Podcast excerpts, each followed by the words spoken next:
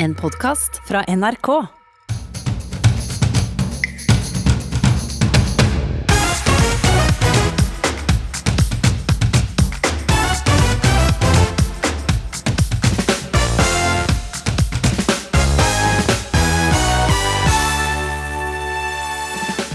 Dødstallene stiger som følge av flommen i Tyskland og Belgia.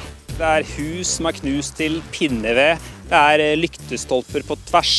Slikt ekstremvær har vi advart om lenge, sier klimaforsker. Og Frida mener hun ikke ville vært her uten fritt behandlingsvalg.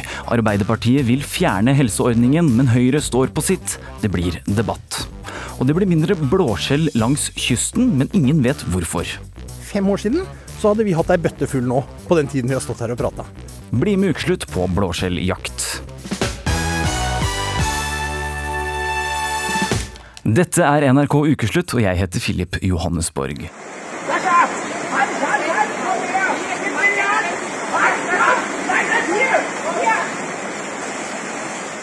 Her hører lyden av vann, masse vann. For ekstremværet i Tyskland og Belgia har krevd over 150 liv, og 1300 personer er ikke gjort rede for. Bildene av raserte byer etter flom og ras vitner om katastrofen som har skjedd.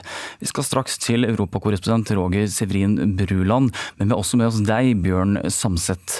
Du er seniorforsker ved CICERO, altså Senter for klimaforskning, og jeg må jo nesten spørre, denne flommen vi ser, er det klimaforandringer i praksis? Noe av det er det. Altså, vi må ha respekt for at det er en ekstrem tragedie som foregår nå. og Den typen værhendelser har jo vi mennesker vært utsatt for gjennom, gjennom, hele historien vår i en eller annen form. Så spørsmålet nå er hvor kraftige blir de ekstremhendelsene som kommer, og hvor ofte kommer de.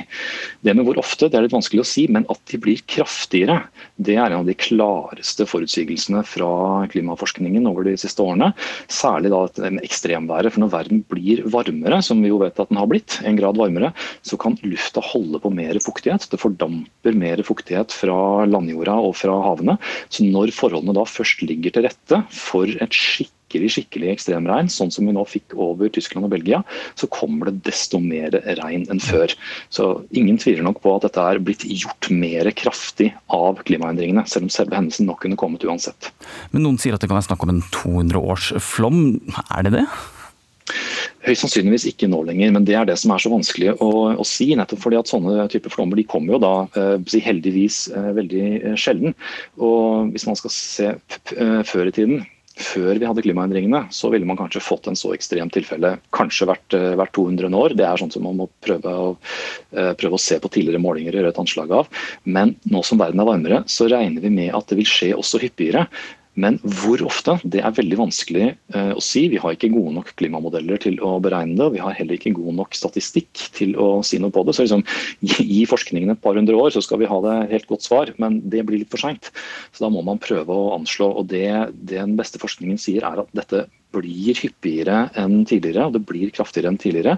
Men et av kunnskapshullene i dag rett og slett, det handler akkurat om hvor ofte kommer sånn som dette her til å skje. Så det kan skje neste år også, hvis det er sånn? I prinsippet. Fullt så, fullt så, ofte tror vi nok ikke at, eh, at, det skjer. Men spørsmålet er om dette går fra å være en 200-årshendelse, som er eh, noe vi kan takle, ned til en kanskje 100-årshendelse. Eh, hvis det er hvert, hvert 100. år, ja, da rekker vi å oppdatere infrastrukturen. Hvis dette har gått helt ned til en, en, gang, som, en gang, hvert 20. år, eller noe, noe, sånt, da begynner det å bli såpass mye at vi må virkelig sette alle kluter til for å tilpasse samfunnet. Så her, her foregår det veldig mye forskning nå, og veldig mye øh, ressurser som legges inn på å forstå dette her, men dessverre så er vi ikke der enda. Så nå skal vi lære så mye vi kan ut fra den tragiske hendelsen som, uh, som nå har skjedd. For det er klart dette dette er større enn noen forventa, selv klimaforskere. Nå er det jo ikke bare i Mellom-Europa som har opplevd uvante værforandringer i det siste. Også i Canada har det vært hetebølger og branner som vi har sett på nyhetene. Henger dette sammen? Dette er en del av det samme bildet. altså Det, underliggende årsaken her eh, på begynnelsen er jo at verdens drivhuseffekt er blitt, blitt, kraftigere. Det er som om vi har dratt på jorda en, en boblejakke. Da blir det gradvis eh, varmere, sånn at verden i gjennomsnitt er ca. 1 grad varmere nå enn den var for 100 år siden. Eh, det får jo da følger for eh, ekstremregn, som vi akkurat har snakka om, men også for eh, hetebølger. Hvis du først har en varm periode, så vil den i gjennomsnitt også være enda varmere enn den var før, før, klimaendringene. Når det er varmt, så fordamper det også mer fra bakken. Da blir det tørrere. Da legger du også til rette for skogbrann. Den hetebølgen som har vært i, i Canada og USA nå, i hvert fall den, den, første av de som kom nå i denne, denne perioden, der har forskere allerede rukket å kaste seg rundt og sjekke hvor sannsynlig en sånn hetebølge ville vært uh, uten klimaendringene. De finner ut at den, den, ene graden med oppvarming vi har hatt, den har gjort den typen hetebølger 150 ganger mer sannsynlig. Så Den korte konklusjonen deres er at det, den hetebølgen der i Canada og nordre USA, den hadde ikke skjedd uten klimaendringene. Nå er du klimaforsker, og er dette her noe dere har ventet på? Eh, hva skal man si, ventet på i frykt, eh, kanskje. Altså, ikke nødvendigvis akkurat så kraftig som nå, men, men denne typen mønster. Altså det, det, kan du gå tilbake igjen i klimalitteraturen flere tiår og si, så står det ganske tydelig at de første konsekvensene vi virkelig vil merke på kroppen rundt omkring i samfunnet, det handler om de virkelig ekstreme hendelsene. der hvor det som allerede var på kanten av det ubehagelige, bikker over til å bli eh, ødeleggende eller nesten utålelige forhold. Det kan handle om ekstremregn, det kan handle om ekstrem varme, det kan handle om eh, sterke stormer som kommer i litt andre baner enn før. Sakte, men sikkert så flytter også gjennomsnittsforholdene for seg, men det er de der virkelig ekstreme hendelsene. Det er der vi i samfunnet merker det på kroppen. fordi at vi har jo tilpassa oss en gjennomsnittstemperatur og noen varme dager og noen kalde dager. Over lang tid har vi beregna både for husene våre og for landbruket og for hele, alt det som utgjør menneskesamfunnet, har vi tilpassa oss det klimaet som vi har hatt lenge. Nå er ikke forholdene lenger sånn som vi har tilpassa oss. Og der hvor vi altså merker det først, det er der hvor det virkelig går utenfor det som vi tok hensyn til. Mm. Tusen takk for at du forklarte oss det. Bjørn Samset, seniorforsker ved CICERO. Du kommer til å følge flomkatastrofen fremover, regner jeg med. Det kommer vi også her i Ukeslutt. Men som barn husker jeg at man brukte blåskjell som agn mens en fisket krabber. Langflat lå jeg på magen på en brygge på et ubestemt sted. Men nå meldes det om flere steder i Norge hvor blåskjellbestanden har gått ned, uten at noen helt vet hvorfor. Ukesluttsreporter Runa Leinan ble derfor med på jakt etter blåskjell i Oslofjorden.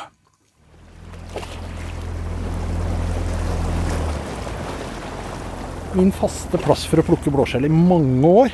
Altså, ja, altså I hele mitt liv har jeg vært her ute og plukka blåskjell. Espen Farstad har tatt turen til sin favorittholme i Indre Oslofjord for å se om han finner blåskjell. Fem år siden så hadde vi hatt ei bøtte full nå, på den tiden vi har stått her og prata med kjempegod mat. da. Det er jo så godt med blåskjell, ikke sant? I løpet av de siste årene har han blitt veldig bekymra for utviklinga av blåskjellbestanden i Oslofjorden. Det ene er da at jeg ikke får blåskjell. Det kan jeg alltid kjøpe meg et uh, nett av inn på menybutikken inne i bukta her.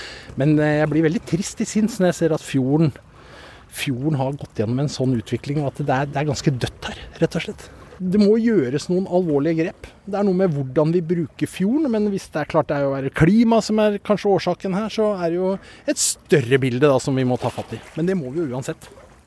Etter noen minutters leiting etter blåskjell i vannet, så gir Farstad bare opp. Nei, her er det nå helt blåst for blåskjell. Faktisk så finner vi ikke levende blåskjell i dette området. Vanligvis vil jeg liksom bare stikke hånda ned på steinene sånn i flomålet, altså der som vi står i nå, liksom, ute i vannet, og bare plukke av fine blåskjell. Svære, fine blåskjell var det her, men nå er det borte.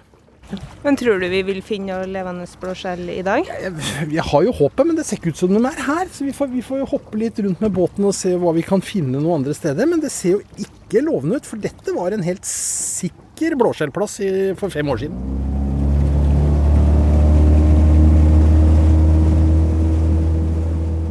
Det er ikke bare i indre Oslofjord det rapporteres om få blåskjell. Litt lengre sør, i Telemark, bor Anette Guldager. Hun er smykkedesigner og bruker perlemorene i blåskjellene i smykkene sine. Ganske brått fra et år til et annet så var det helt, helt borte. Så for meg ble jo det en veldig tydelig utfordring, for jeg fikk jo ikke tak i råvarer lenger. Så mens jeg tidligere kunne hente ei bøtte med blåskjell når som helst jeg trengte det, så måtte jeg jo jobbe hele sommeren for å få tak i eh, ja, bare lite grann. Havforskningsinstituttet har mottatt bekymringsmeldinger fra flere steder i Norge om at blåskjellbestanden har endret seg. De er nå i gang med å overvåke den langs norskekysten. Forsker ved instituttet Øyvind Strand sier de ikke vet hva en eventuell endring i bestanden skyldes.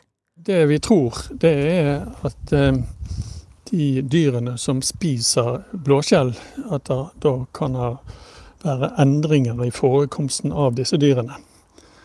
Og det vil jo da påvirke eh, forekomsten av blåskjell. Han har pekt ut noen mulig skyldige. Kanskje fiskebestander og krabbebestander da, som, som kan forårsake da, mindre blåskjell. Vi vet jo også at eh, ærfugl spiser mye blåskjell.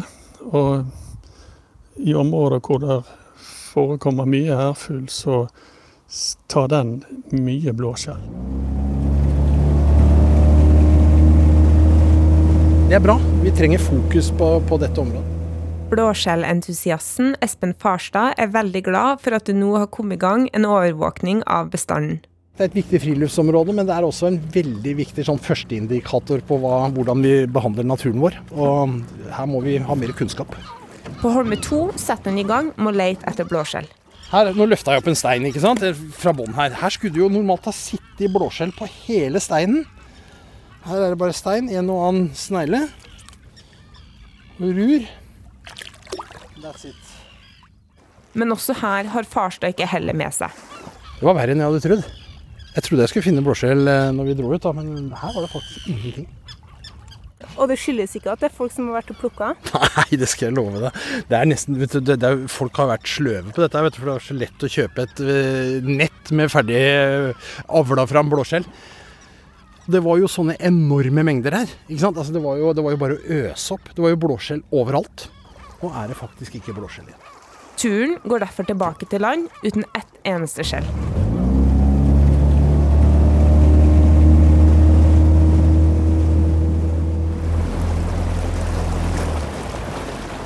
Men så, når vi parkerer båten ved brygga og skal takke for turen, så skjer det noe. Sånn, sånn, sånn. Espen Farstad finner blåskjell. Ja, det var faktisk Da var det faktisk blåskjell nedi her. Det, det var, jeg trodde aldri jeg skulle bli så glad over å se ett blåskjell, altså, men det Det er ikke noe happy ending, bare for å ha sagt det, da. Det er ingenting mot hva det pleide å være her. Men lite grann var det, så da er det vel håp allikevel. Fritt behandlingsvalg gjør at en rekke pasienter kan velge hvor de får behandling, og så tar det offentlige regningen. Fint for pasienten, men flere sykehus er misfornøyde fordi det tapper dem for penger. Høyre innførte ordningen i 2015, og nå har det blitt valgkampsak. Debatten den skal vi ta litt senere, for først så skal vi møte en som mener fritt behandlingsvalg reddet livet hennes.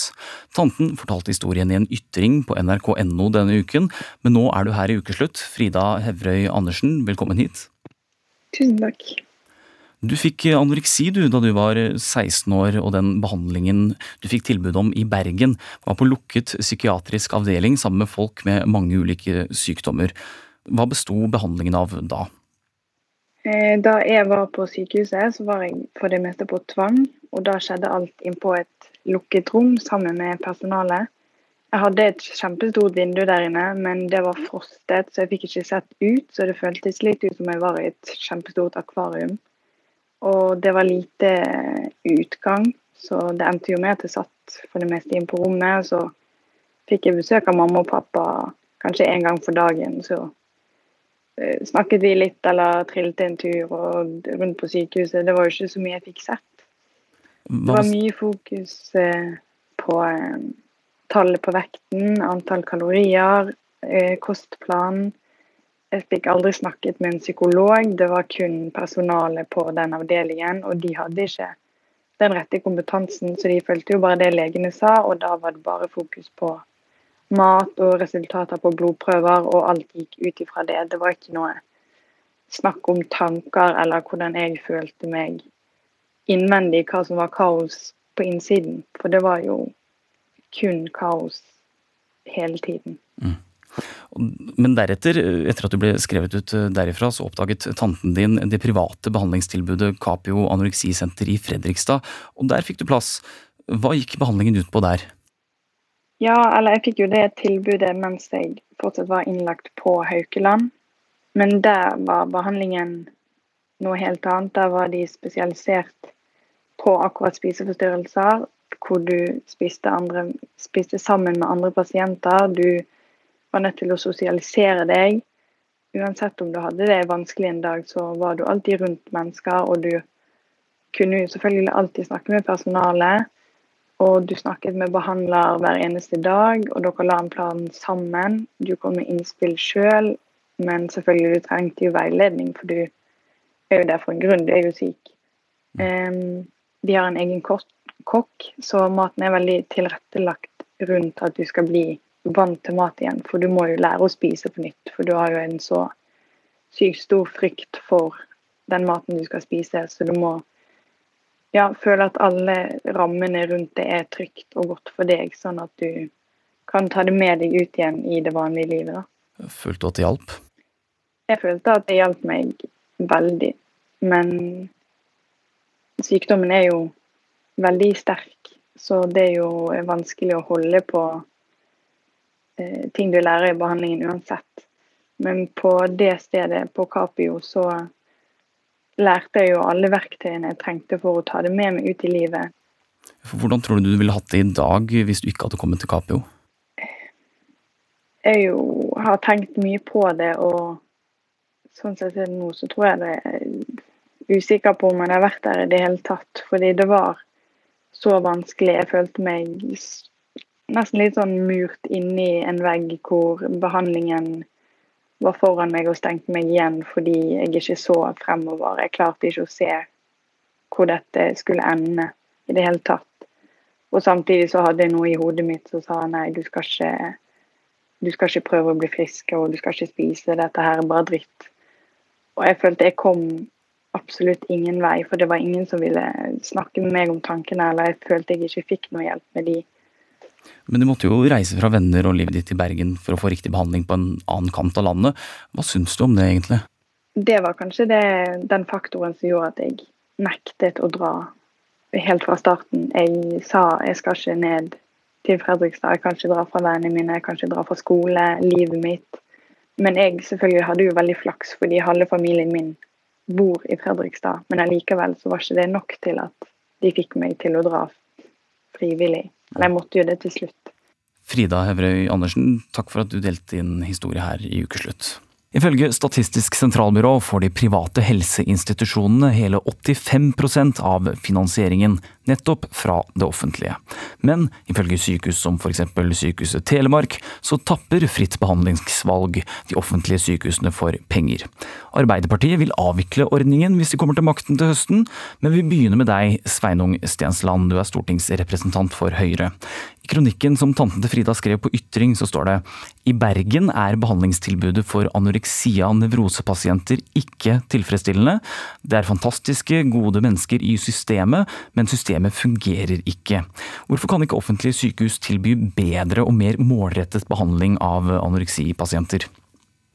Det finnes gode tilbud i offentlig regi for disse pasientene, men det som er bra med fritt behandlingsvalg, er at pasienter som ikke er fornøyd med det de har, kan velge en annen institusjon, sånn som Capio, som her helt åpenbart har gitt gode resultater.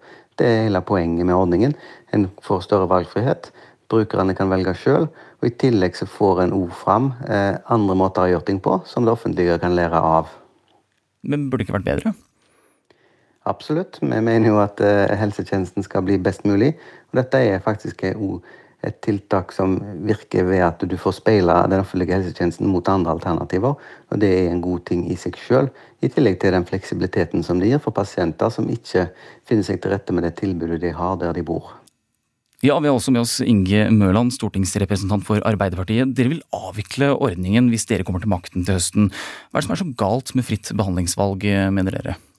For det første så viser jo denne historien et offentlig helsevesen som ikke er godt nok. Det skulle jo være sånn at man kunne få god behandling for spiseforstyrrelser i Bergen. Frida hadde muligheten da til å reise til Fredrikstad, men det er ikke sikkert at Kari eller Petter vil ha den samme muligheten. og Da er vi opptatt av at vi skal styrke eh, det offentlige finansierte helsevesenet og ikke svekke det gjennom ytterligere privatisering. Og Det er jo det vi syns er utfordrende. At her kan private da eh, starte opp konkurrerende virksomheter uten at det skjer i forståelse med at det er et behov for det offentlige har. Dette er litt komplisert, men vi er jo for en ordning som heter fritt sykehusvalg. Det betyr at du da innenfor det offentlige helsetilbudet kan velge det tilbudet du vil ha. Og så ser jeg jo av og til det offentlige at de ikke har nok ressurser, enten det handler om f.eks. rus eller det kan handle om rehabilitering, og så gjør de avtaler med ideelle aktører. Men da supplerer de og støtter hverandre opp. Når det gjelder fritt behandlingsvalg, så er dette en måte Høyre har innført eh, løsninger der private kan konkurrere ut og tappe det offentlige for ressurser, og det tror vi på sikt er uheldig. Hva tenker du om det, Stensland? Eh, først av alt så er det jo sånn at eh, det er ingen som får hjelp eh, med fritt behandlingsvalg uten at de har rett på behandling. Så en har jo kontroll på at ikke dette blir brukt for mye, rett og slett fordi disse pasientene uansett skulle hatt behandling i, i det offentliges betaling, men her kan de da velge sjøl. Med Arbeiderpartiets løsning så kan de velge innenfor de, de institusjonene som Arbeiderpartiet finner godt nok. Med vår løsning så kan de velge innenfor alle de som oppfyller de kriteriene som er for å være med i fritt behandlingsvalg, og det er vesentlig flere. Mm, ja, Mølland? Ja, altså For det første, har du rett på behandling, så har du rett på akkurat den samme behandlinga i dagens system som det eh, vi ønsker. Eh, så er det jo sånn at hvis eh, eh Stensland sier at eh, Frida ville ikke kunne fått hjelp med Høyre i regjering, ja, så er det en fallitterklæring til Høyres sykehus- og eh, helsepolitikk, etter mitt syn. Eh, og så har vi andre eksempler. altså Capio er et godt eksempel, men innen fritt behandlingsvalg så har vi fra min landsdel eksempler på institusjoner som ikke har holdt god nok kvalitet, som statsforvalteren har grepet inn, stengt, eh, og som da har hatt klart en et nytt selskap, og da sier helseministeren det er bare å peise på, det er bare å kjøre på igjen. Fordi ordninga fritt behandlingsvalg har ikke eh, det samme kvalitetskontrollen som man har ved enkelte andre eh, offentlige eh, ordninger, og det kan være en utfordring for hva slags kvalitet man får. Nå fikk man god behandling i dette tilfellet her, og det tror jeg de aller fleste fritt behandlingsvalginstitusjoner gjør.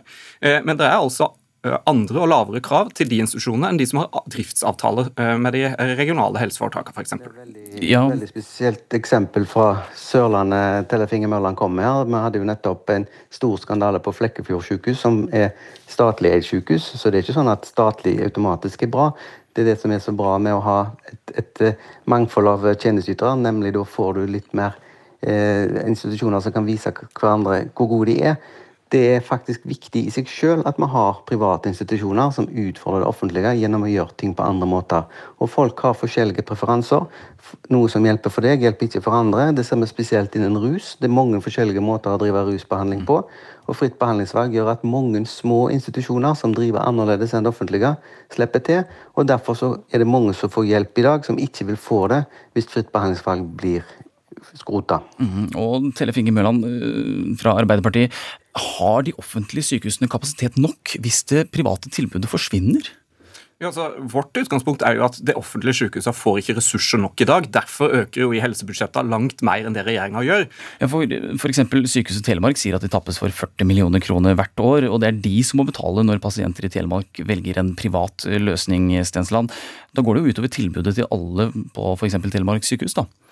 Det vil jo snu ting veldig på hodet, for de pasientene som har fått hjelp gjennom fritt behandlingsvalg, er pasienter som uansett står i kø for å få hjelp på et sykehus.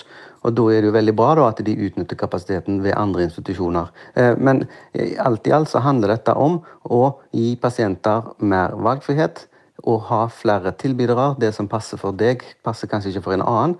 Eh, og I tillegg så er det også sånn at dette utnytter ledig kapasitet hos institusjoner som i dag har avtaler med det offentlige, men som har kapasitet som de kan bruke. Satsene i fritt behandlingsvalg er også satt sånn at det ikke er samme betaling som ved ordinære, ordinære tilbud. Faktisk er det priser noe lavere. Noe som nå er med å bidra til at det bremser noe av utviklingen. Mm. Kort til slutt, eh, Mølland. Ja, nettopp det at man presser prisen eh, gjennom fritt behandlingsvalg, eh, gjorde til at jeg forrige uke fikk en henvendelse fra en pårørende som fortalte om sitt barn, som fikk nei ved en institusjon ved fritt behandlingsvalg fordi at vedkommende var for ressurskrevende til at de kunne ta imot vedkommende på den betalinga. Altså, vedkommende var altså ikke lønnsom nok, og det er jo en av de nedsidene som man ser ved den ordninga som regjeringa har innført. Tusen takk for at dere kom og debatterte dette i Ukeslutt. Ok, se for deg dette her. Det er din første feriedag, og for første gang på mange måneder så skal du innta horisontalen på sofaen uten dårlig samvittighet. Åh, så deilig. Du har eh, tatt fram et kubbelys og en bok, men også telefonen. Du sjekker den først for å bare gjøre unna alt. Kanskje åpner du Instagrammen og begynner å scrolle litt. Besseggen, ja. Mm, Gallepiggen. Storebjørn, ja. Lillebjørn. Gallepiggen igjen, ja. Mm, mm. Plutselig så ser du at kubbelyset ja, det har brent helt ut, og boken du skulle lese, ja, den ligger der fortsatt, helt uten eselører. Vi skal ikke skrolla bort sumarnatta, ho er for ljos til det. Da skal vi vandra i saman ute under ei lauvtunge tre. Ja, kommentator i Adresseavisa, Kari Hovde, er det slik det føles? Ja, det høres ganske kjent ut det der, ja. Ja, for Denne uke så skrev du en kommentar om din sosiale mediebruk eh, i Adresseavisa, og du kaller deg en SoMe-snylter av rang. Hvorfor eh, snylting? Jo, jeg, føler jo at jeg snylter veldig på andre, eh, det andre har lagt ut i sosiale medier, og det de har publisert. For jeg legger ut veldig lite. Jeg er litt lat, jeg har litt dårlig kamera på telefon, det blir ikke så fine bilder. Så det kan jo liksom gå både ett og to år imellom jeg legger ut noe. Så da snylter jeg på andre og koser meg og mesker meg i andre sine ting på sosiale medier. Ja, men eh, Si at du har scrollet et par timers tid, da. Hva slags følelse er det du sitter igjen med etterpå? Nei, jeg får litt sånn Jeg får jo litt sånn dårlig samvittighet. Jeg føler jeg liksom Jeg føler ikke at det er kvalitetstid. Jeg har brukt opp tida på tull og tøys. Jeg har ikke blitt noe sånn Jeg blir egentlig ikke så veldig fornøyd hvis jeg scroller og holder på i to timer, nei. Mm, litt sånn selvbebreidelse, altså? Ja. Ja. Trine Syvertsen, vi har med deg også. Du er professor i medievitenskap ved Universitetet i Oslo. Du har forsket på hva slags forhold vi mennesker har til mobilen, du. Og på hva det vil si å la skjermene ligge en stund. For dette lufter jo Kari Hovde i sin eh, kommentar. Hvor vanlig vil du si det er å føle på en viss selvbebreidelse etter å ha scrollet bort sumarnatta? Nei, eh, hele, det er nok sånn at eh, et, eh, rundt halvparten av befolkningen til enhver tid føler at de er for mye på nett og mobil. Det viser undersøkelser. Og det også, virker også som det blir verre i feriene. Jeg tror feriene har vi kanskje mer romantiske forestillinger om hva vi skal gjøre. Barna skal klatre i trærne, og vi skal sitte rundt et langbord. Og da blir det kanskje verre at alle bare sitter med nesa i en skjerm i hver sin sofakrok. Er det, er det et visst sånn punkt man når, hvor man føler at nå bikker det over med skjermtid?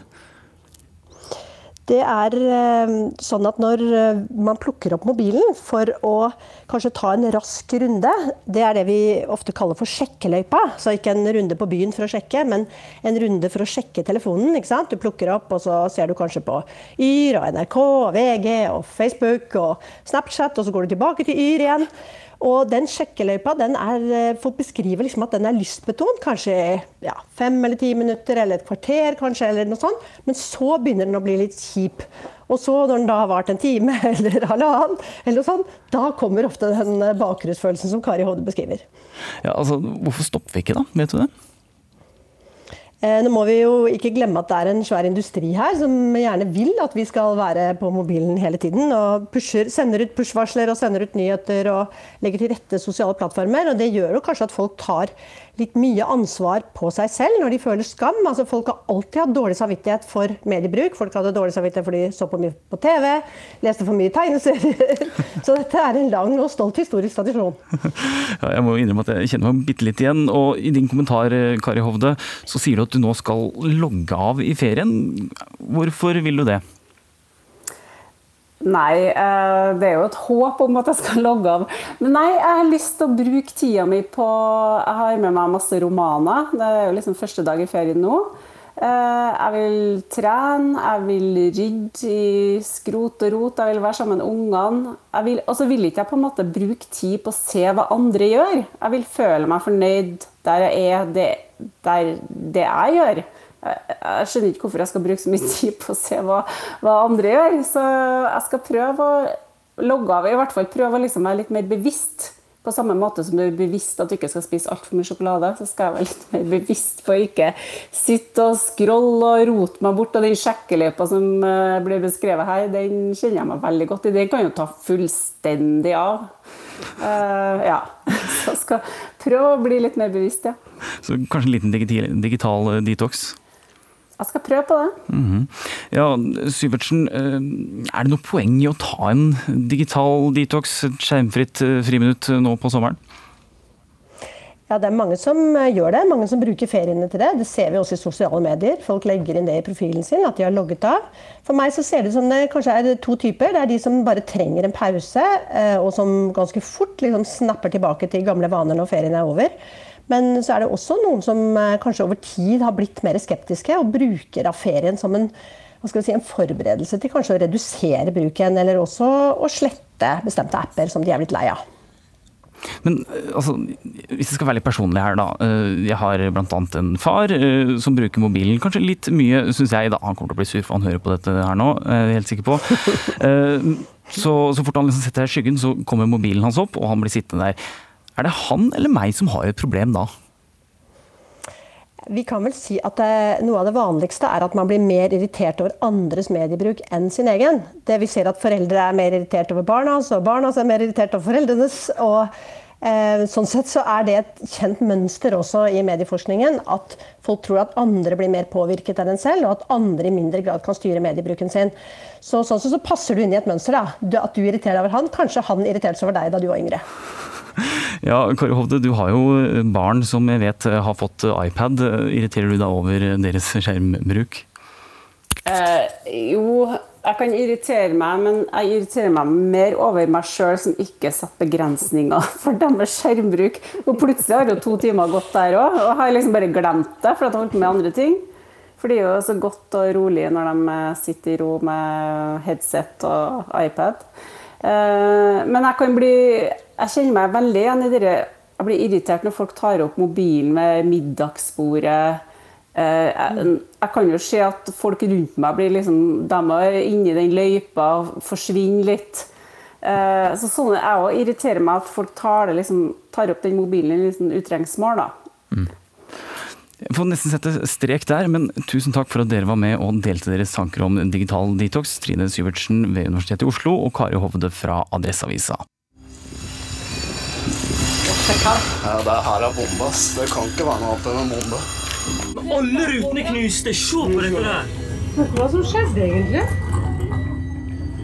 Fasaden er helt sprengt ut. Fy fasiken. Dette er helt vanvittig. Ja, det er helt vanvittig. Over 600 ungdommer fra Arbeiderpartiets ungdomsorganisasjon var samlet på politisk sommerleir da marerittet startet. 22.07, en dato som for all ettertid vil bli stående som dagen da 77 personer døde som følge av en manns terrorangrep her i Norge. Ti år er nå gått, og i mellomtiden har en ny generasjon vokst frem. En generasjon som har få eller ingen minner fra hva som skjedde. Og Iril Myrvang Gjørv, du er både lærer og Utøya-overlevende, i tillegg til å være nestleder i Pedagogstudentene. Du var 17 år, du, da du var på Utøya den gangen. Hva kan du fortelle om din historie knyttet til 22.07.2011? Ja, jeg, jeg, var jo på den sommerleiren eh, for første gang. Og eh, var der egentlig bare for å være med vennene mine og eh, være på ferie, egentlig. Og I løpet av de ti årene som nå har gått, så har du valgt å fortelle din historie, både i klasserommet med elever og på 22. juli-senteret her i Oslo. Hvorfor er det så viktig å fortelle historien om 22. juli, syns du? Nei, Det er jo flere grunner til det, men det er jo litt som du sa, da. At uh, nå vokste opp en generasjon med, med, elever som ikke har egne minner. Uh, og vi som er voksne, vi er ganske vant til å å vite hva som skjedde, og, og vi husker hva vi gjorde den dagen osv. Men det gjør ikke denne generasjonen, de som går på skolen i dag. Um, så det, det, handler jo litt om at de ikke bare skal, skal, vite hva som skjedde, men også at de skal få være en del av den historiefortellinga, da. Og så syns jeg det er veldig viktig å snakke om uh, de som mista livet, og verdiene som de hadde og sto for. Mm. Men som en av dem som var midt oppi det, så må det jo være ganske tøft da, å fortelle om dette her. Når bestemte du deg for det? bestemte meg vel egentlig for det Altså, jeg har jo snakka hele veien, egentlig, i hvert fall med venner og familie og de nært meg, men, eh, men, jeg bestemte meg for det fordi jeg visste jeg skulle bli lærer, og jeg visste at eh, det, gjennom min jobb så var det min jobb også eh, å snakke om 22. juli, og da har jo min historie kanskje noe å si der òg. Mm, fordi Og, og som jeg har skjønt, så har du snakket om 22. juli for barn helt ned i sjette klasse alder. Hva slags forhold har de elevene du snakker med som er så unge til terrorangrepet? de har eh, egentlig et ganske lite forhold til det. Det avhenger litt om hvor mye de har snakka med familien sin eller foreldrene sine, eller hva slags relasjoner de har. Um, de rundt meg har selvfølgelig meg som et ankerpunkt der, men, eh, men det har gjerne vært opp til uh, visse lærere eller, eller foreldre uh, om man har barn eller elever som, som har uh, noe forhold til det. Som har jo gjerne ikke egne minner, nei. Har du eksempler på hva de yngste spør om? De spør om alt mulig. De, de, er veldig nysgjerrige, og de spør om gjerne mer enn det voksne gjør, og det syns jeg egentlig er veldig fint. De lurer på om jeg så gjerningsmannen, eller hva, hvordan det har vært å, i ettertid, eller om jeg har det bra, og, og hvorfor er det terror, og masse forskjellig, da. Ting som, som vi voksne kanskje ikke snakker så mye om. For jeg kan tenke meg at det kan kanskje bli litt sånn direkte, i og med at du ikke har opplevd det selv, at det ikke er noe filter der. Uh, har du noen eksempler? Ja, um, sånn som jeg sa i stad, da, eksempelvis uh, har jeg fått flere spørs spørsmål knytta til om jeg angrer på noe jeg gjorde eller ikke gjorde. Er det noe jeg skulle gjort annerledes? Sånne ting er jo veldig personlig, men, uh, men de er jo barn og trenger å, å vite, og det er en del av den fortellinga her. Og de um, jeg er veldig glad for at uh, jeg får møte barn og elever som, som, lurer på mye, og som stiller de spørsmålene. Det syns jeg egentlig bare er fint. Mm. Er det noen spørsmål du syns er spesielt krevende å svare på? Um, ja, kanskje de spørsmålene som um, handler om hvis du hadde møtt uh, Anders Behring Breivik i dag, hva hadde du sagt til han da? Det er et veldig krevende spørsmål å svare på, mye for at jeg vet ikke. Det er jo en utenkelig situasjon, heldigvis, men uh, ja. Ja. Hva svarer du da, hvis du ikke vet hva du skal svare? Nei, da, da, da, sier jeg det som det. Jeg vet du, det vet jeg ikke. Jeg syns det er vanskelig å svare på. Takk for at du spør. Mm. Takk for at du spør. Hva er forskjellen på å møte unge som ikke har noe særlig forhold til terrorangrepet, kontra voksne som husker dette godt? det er jo det at de ikke har, som jeg sa, et ankerpunkt. De har ikke nødvendigvis noe utgangspunkt. Um, man bør jo starte med å kartlegge hva er det de kan, hva er det de vet, hva er det de har hørt hjemme. Og det gjør de. De hører hjemme, eller på nyhetene, spesielt i disse dager. Så, så det handler litt om å, å, se hva slags utgangspunkt man har. Og så, um, og så starte derifra med realhistorien. Hvorfor skjedde dette? Hva er liksom alle fortellingene knytta til dette, og hva er det de som var der, forteller? det er veldig mange, mange, deler av denne historien som man kan belyse da, i hele skoleverket, tenker jeg. Mm. Har du noe råd til voksne som vil snakke med barn om eh, terrorangrepet? Ja, eh, det finnes eh, Det kommer nok til et punkt hvor de fleste spør. Eh, så jeg, mitt råd har alltid vært sånn hvis, hvis elevene eller hvis barnet ditt da spør, så ta den samtalen. Fortell om hva du husker, hva, hva var det som skjedde. Uh, og ta, ta liksom praten med ungene dine om, om, hvorfor skjedde dette, hva, hva var det som eh, gjorde at Norge ble sånn og sånn i ettertid. Fordi de, de som vokser opp i dag, de er jo en del av denne fortellinga, dem òg. De skal jo også være med på å bygge liksom, uh, Norge etter 22. juli, men da må vi gi dem verktøyene til til å gjøre nettopp det. Til å være med på den samtalen. da. Mm. Mm. Er det jo det er ti år nå siden det skjedde, og det er jo vanskelig å være deg oppi dette her. Hva slags følelse er det du går rundt med nå om dagen, akkurat nå? Det er jo mye. Det er mye. Um, absolutt. Men, uh, men, jeg er jo vant til at dette skjer hver, hver 22. juli hvert år, egentlig. Så er det jo spesielt i år fordi det er ti år sia. Men jeg håper at vi alle kan finne en anledning til å um, Eller bruke denne anledninga til, til, å faktisk uh, ta litt tak i de samfunnsutfordringene vi har, da. Uh, og at det ikke bare blir en sånn stillhet 23. juli som uh, klapper oss sjøl på skuldra og sier at nå vel, vel blås markering, Takk for i år. Mm. Og apropos markeringen, eh, på torsdag altså, så er det altså ti år siden. Mm. Hvordan har du tenkt å markere dagen? Jeg skal ta meg turen til regjeringskvartalet og se markeringa der. Og så skal jeg på en brunsj med andre ute-overlevende. Og så skal jeg til eh, Deichman på Holmlia og snakke foran eh, ungdom der. Og så skal jeg i Oslo Spektrum og se på konsert. Så det blir en eh, lang, men fin dag, håper jeg. Det bruker å bli en ganske fin dag når man er samla. Mm. Det er sant. Takk for at du delte din historie her i Ukeslutt, og takk for at du deler det med elever også. Iril Myrvang Gjørv, takk for at du kom. Vi skal ut i naturen, vi.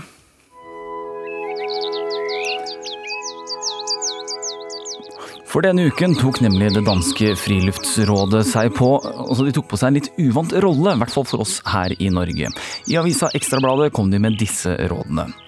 Vis hensyn til andre gjester i skog og på stranda, eller andre steder hvor ønskene kan flyte over.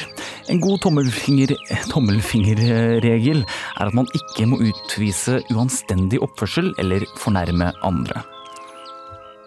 Hvorfor kommer dere med en Og- sånn veiledning? Der ja, og hvis du ikke har skjønt det enda, det dreier seg om å ha sex ute i det fri. Det danske friluftsrådet kom altså med en veiledning om hvordan man kan kose seg ekstra ute i naturen med partneren uten å bryte noen lover og regler.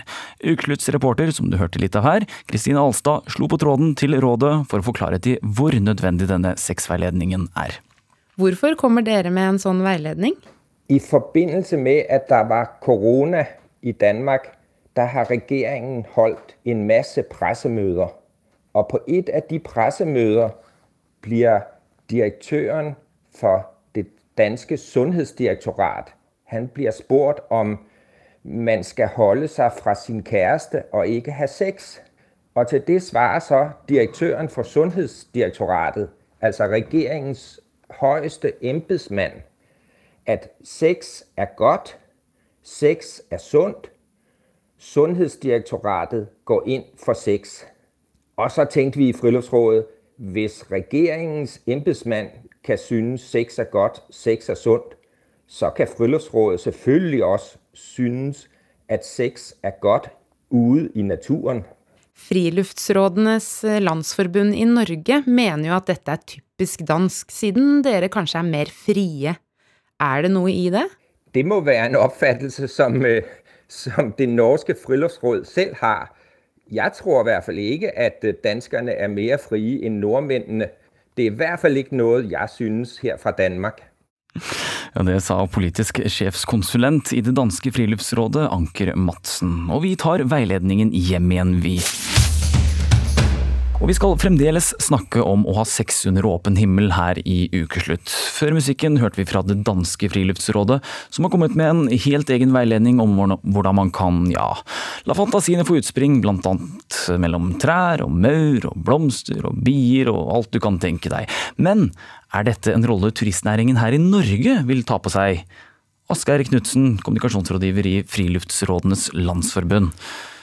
Det er tross alt eh, sommerferie. Mange minutter av naturen nå. Kommer dere til å anbefale en slik veiledning, slik som danskene har gjort? Nei, Vi har eh, veldig mye annet vi skal holde på med enn å lage veiledere for eh, folks sexliv. Men eh, forskjellen på Norge og Danmark er jo kanskje at, at det er større plass i Norge. Så man har mer muligheter til å eh, utøve akkurat det. Som eh, de offisielle danske sa så fint her i sted, det er eh, sex er sunt og sex er veldig bra. Og jeg tenker at det skal vi bejae. Og egentlig en, vi jobber jo, Jeg representerer jo friluftsrådene over hele landet. Og vi jobber jo veldig med å tilrettelegge så at folk skal komme seg ut og bruke naturen.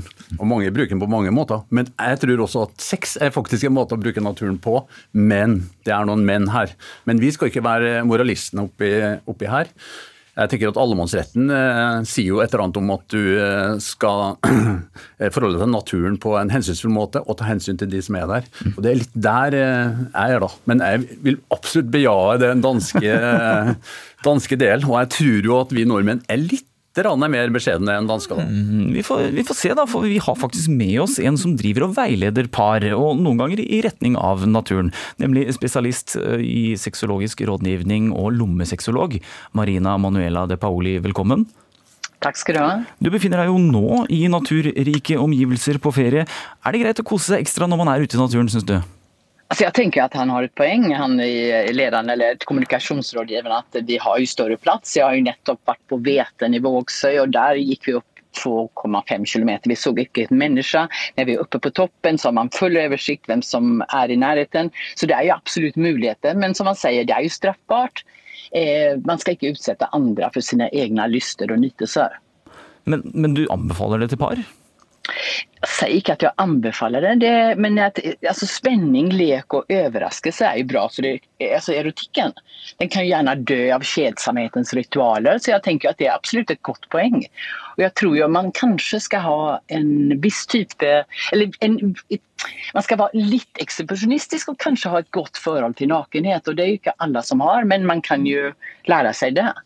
Og jeg tenker jo I naturen så er jo mange mennesker litt mer sånn eh, til stede. Og seksualitet trenger at man er til stede. Mm. Ja, Asgeir Knutsen, du dirrer her av eh, Ja. Jeg er veldig enig med sexologene her på akkurat det. Og jeg tror også at nakenhet det henger jo, henger jo også her. og Jeg husker som gutt, eh, jeg satt på Samfunnshuset i min, min gamle kommune, og der kom tidligere skihopperen Torleif Schjelderup inn og hadde smalfilmkåseri om nakenhet og natur. Og Der satt jeg som en ung gutt, og jeg rakk knapt nok ned til gulvet, og fikk se en film med en nakne kropper som hoppa ut i et, et fjellvann, og hvordan de kosa seg sammen. Det var jo helt fantastisk, og det sitter inni meg enda. Og det som datt inn først hos meg når jeg skulle komme her og snakke om det her, fantastisk opplevelse, og jeg tror det er et eller annet med å forbinde seg med natur. Og det å være naken er så herlig. Tenk deg et fjellvann helt alene. Gli uti det vannet sammen med partneren din. Det fins ikke noe bedre. Hva sier du til det, Marina Manuela? Jeg er helt enig, og så skal vi ikke se bort fra at det at tankene blir ferske. Det kan jo virke som et sterkt, sterkt afrodisiakum. At eh, Sjansen å bli sett og oppdaget, det kan pirre. Og det er også tenningsmønster. Altså, noe, altså man snakker jo om ekshibisjonisme. Det er jo tenningsmønster. Man tenner på å bli sett av andre. Og så finnes det det motsatte, av voyeurisme, der man da tenner å se andre. Mhm. Men det er, jo, må- det er jo mye maur, og altså, er det praktisk, holdt jeg på å si? Går vinninga opp i spinninga her? Jeg vet ikke. Altså, det finnes vann, det finnes svaberg. Vi bør ikke gå til maurhøgene. Jeg gjorde, en liten, eh, jeg gjorde et lite forsøk før eh, sendinga her til mine følgere på Facebook og så laga åtte ulike regler. Da, hvor en av reglene nettopp var det, den biten å være forberedt i forhold til hvor man skal gjøre det her. Ja, for eh, Marina Manuela, eh, har du noen tips hvis man ønsker å utøve dette her i vår norske natur? Jeg tenker jo også at uh, Man kan jo ikke bare ta det som et lek på et svaberg der man ikke ser at det er andre. Og utforske sansene. Jeg oppmuntrer mine klienter til å utforske alle sanser. Altså både altså, å se og høre, lukte, smake og berøre.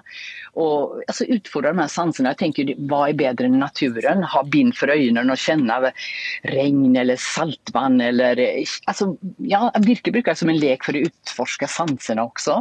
Men som altså, ikke velger den verste mørkhaugen og svaberg langt borte fra folk. og Leke litt med ja, med å sette bind for øynene og bare, bare berøre og kjenne solen steke. Hvordan kjennes det når huden bare får regn og sol? Ja, Asgeir Knutsen, dette her høres ut som, som, ut som noe som dere kunne anbefalt, eller? Ja, absolutt, og vi, vi gjør jo det. Det er jo det, det eh, Ordene du bruker her for å beskrive natur, det er jo naturen og den nakenheten, og vi er en del av naturen. Og det er, jeg synes det er bare så vakkert eh, hvis flere skal eh, bruke naturen også til sex. og Jeg så en undersøkelse nå at seks av ti nordmenn eh, hadde lyst til å ha sex i naturen, og det er jo et fantastisk eh, egentlig, Veldig mange egentlig går rundt og tenker rundt det. Så er det et poeng til òg, hvis jeg får lov. Det er, eller i, i forbindelse med det her programmet som jeg er med i nå, så spurte jeg litt rundt, og da dukka det faktisk opp et nytt ord som jeg ikke har hørt før. og og det var fra nynorskland land i, blant friluftsrådene. Og det er da et, et begrep som de kalte utepuler. Altså utepuler. altså det er Kanskje det blir et nytt ord på linje med friluftsliv som vi gir verden. På en, Og det finnes jo også et annet ord for det. Det er jo dogging. Det er faktisk folk då som går ut og har sex i naturen der man også har mulighet til å invitere andre. Så det er jo også et tennismönster. Så utepula dogging er litt av det samme. Ja. Blir det jo bytte ord på det? Ja, ja, Vi, Det- Vi får håpe da kanskje at noen ble inspirert eh, akkurat nå, innenfor rimelighetens grenser selvfølgelig, fordi man kan jo få et års fengsel for sex på offentlig sted, eller i nærvær av noen som ikke har samtykket til det. Bare så det er sagt. Jeg har også snakket med DNT, for de har jo inspirert folk til å komme seg ut i naturen i 150 år, som hun sier. Eh, Men de sier også at det handler først og fremst om de naturopplevelsene man kan ha, få med buksene på, sier de til Dagbladet. Jeg vil nesten takke dere av. Spesialist i sexologisk rådgivning Marina Manuela de Paoli og kommunikasjonsrådgiver i Friluftsrådenes Landsforbund Asgeir Knutsen. Og nå har vi fått Alexander Sandtorv inn i studio her, vår egen huskjemiker. Vi skal snart ut og besøke en nytent engangsgrill, vi. Og kall det gjerne et ledende spørsmål, Sandtorv, men hva er tema for ukas sommerspalte her i Ukeslutt? Nei, altså Det som står på menyen, er jo grill. Grill, nettopp. Og før vi trer ut i sola her utenfor Marienlyst, så må jeg nesten spørre om en annen liten ting som jeg har lurt på, nemlig grillkrydder. Hva har egentlig grillkrydder med grill å gjøre? Ingenting. Akkurat det jeg fryktet. Og vi har ikke akkurat noe å klage over. Ikke for mye solstek og sommervarme i alle fall. Jeg syns på badestranden kan av seg litt av hvert. Det? Ja. Det er en glassmanet, er det ikke det? Jo, det er en glassmanet som blir. Men det varmeste jeg egentlig kan si om is, det er at den er kald. Ja, Se her, ja. ja.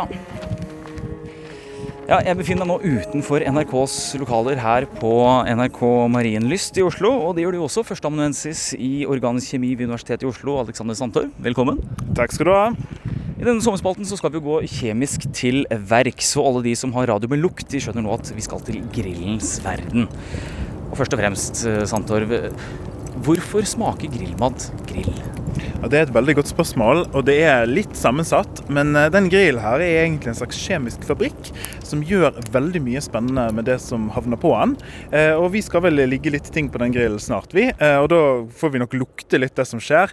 Men på den grilloverflaten her så er det en kjemisk reaksjon som skjer, som heter Maillard-reaksjonen. etter en person som heter Maillard.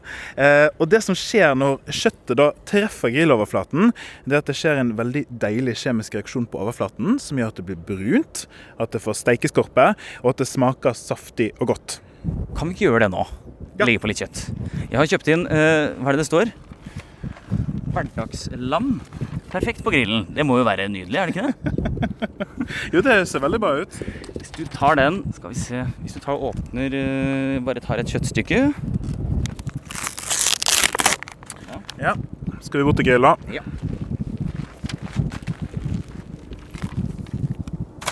Eh, Det som skjer nå, det er at jeg lukter grillen. Eh, Det freser godt. Det er fettet og proteinene som begynner å reagere på overflaten. Og litt av det som er magien med en grill akkurat nå, det er jo at det er luft under kjøttstykkene. Fordi hadde vi gjort dette på en vanlig stekeoverflate, så hadde ikke vi fått luft under. Og det gjør ganske mye med aromaen som dannes eh, nå på grillen. Er det dumt at det er en engangsgrill? Kunne vi fått bedre effekt på en vanlig grill? Ja, det er klart at eh, jo større, jo bedre ofte. Eh, Og en, en eh, litt sånn skikkelig bra grill som er litt mer avansert enn denne her, ville vært mye bedre. Litt med varmen òg, for vi ser den som har startet grillen, har gjort noe litt dumt. Ja, det kan jeg ta på min kaffe, ja. Men det er nettopp at du ser at det ikke er jevnt fordelt her. Det er noen grillkull som er litt varmere enn andre. Og nå blåser det, så det tar helt av her. Og det er nettopp fordi at eh, da ser du at de glørene begynner å varmes enda mer. Så vi får ikke helt jevn overflate her nå, men det er godt nok for NRK, syns jeg. Det syder jo ganske bra, da. Ja, det freser godt. eh, Og den, den grillen er jo veldig annerledes enn en vanlig steikepanne. På hvilken måte da? Nei, det er flere ting som skjer her som, eh, som gjør at grillen blir grill. Og en av de er jo det at det er luft under kjøttstykkene.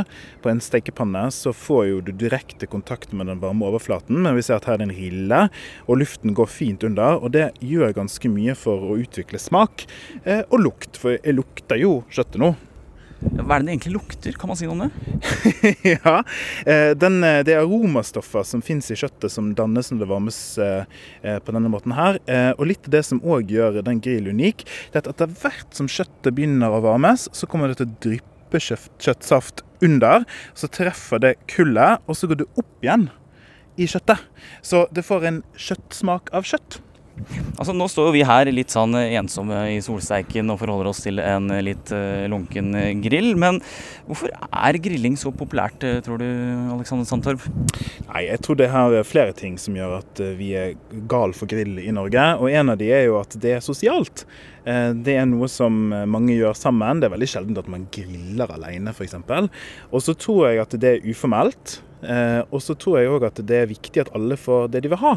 Fordi det er veldig praktisk å grille mange forskjellige typer ting. Eh, skal du lage ti retter på kjøkkenet hjemme, er det mye mer styr enn hvis du skal lage ti retter på en grill. Så jeg tror det samlet gjør at vi eh, er veldig glad i grillen, og så er jo det smaken av sommer. Det er jo én ting vi har glemt, da. Når jeg ser på disse litt nakne kjøttstykkene som ligger her.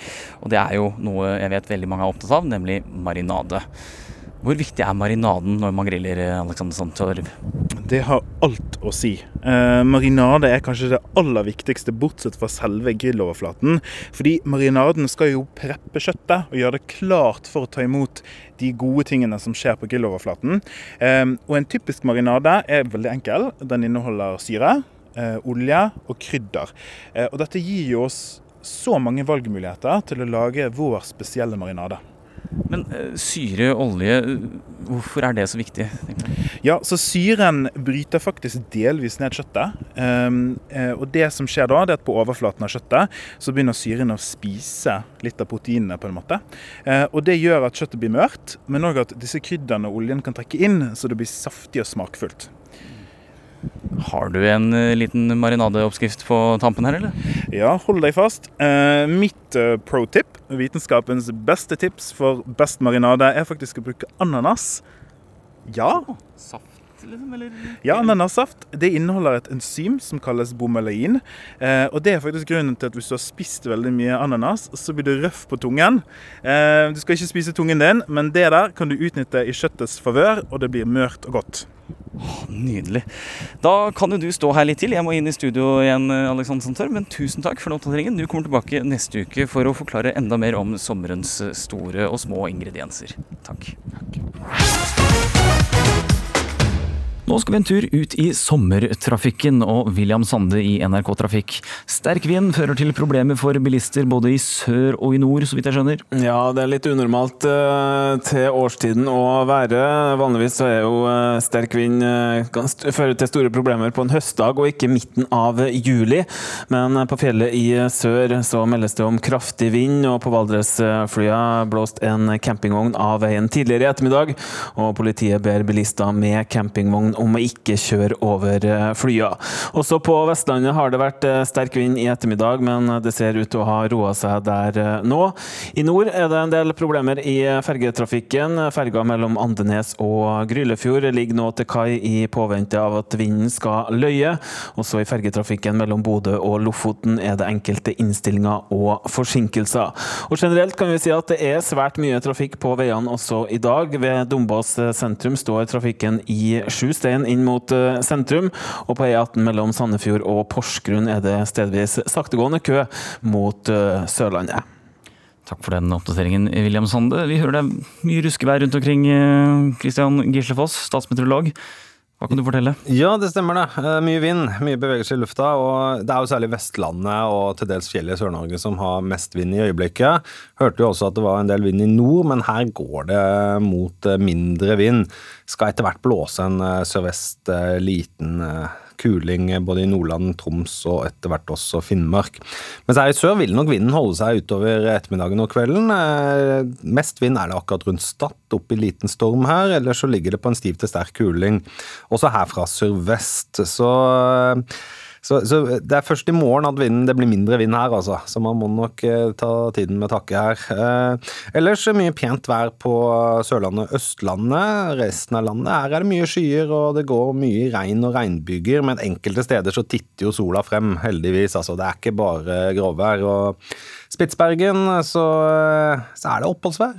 Eh, kanskje litt sol enkelte steder, men også en del tåke, dessverre.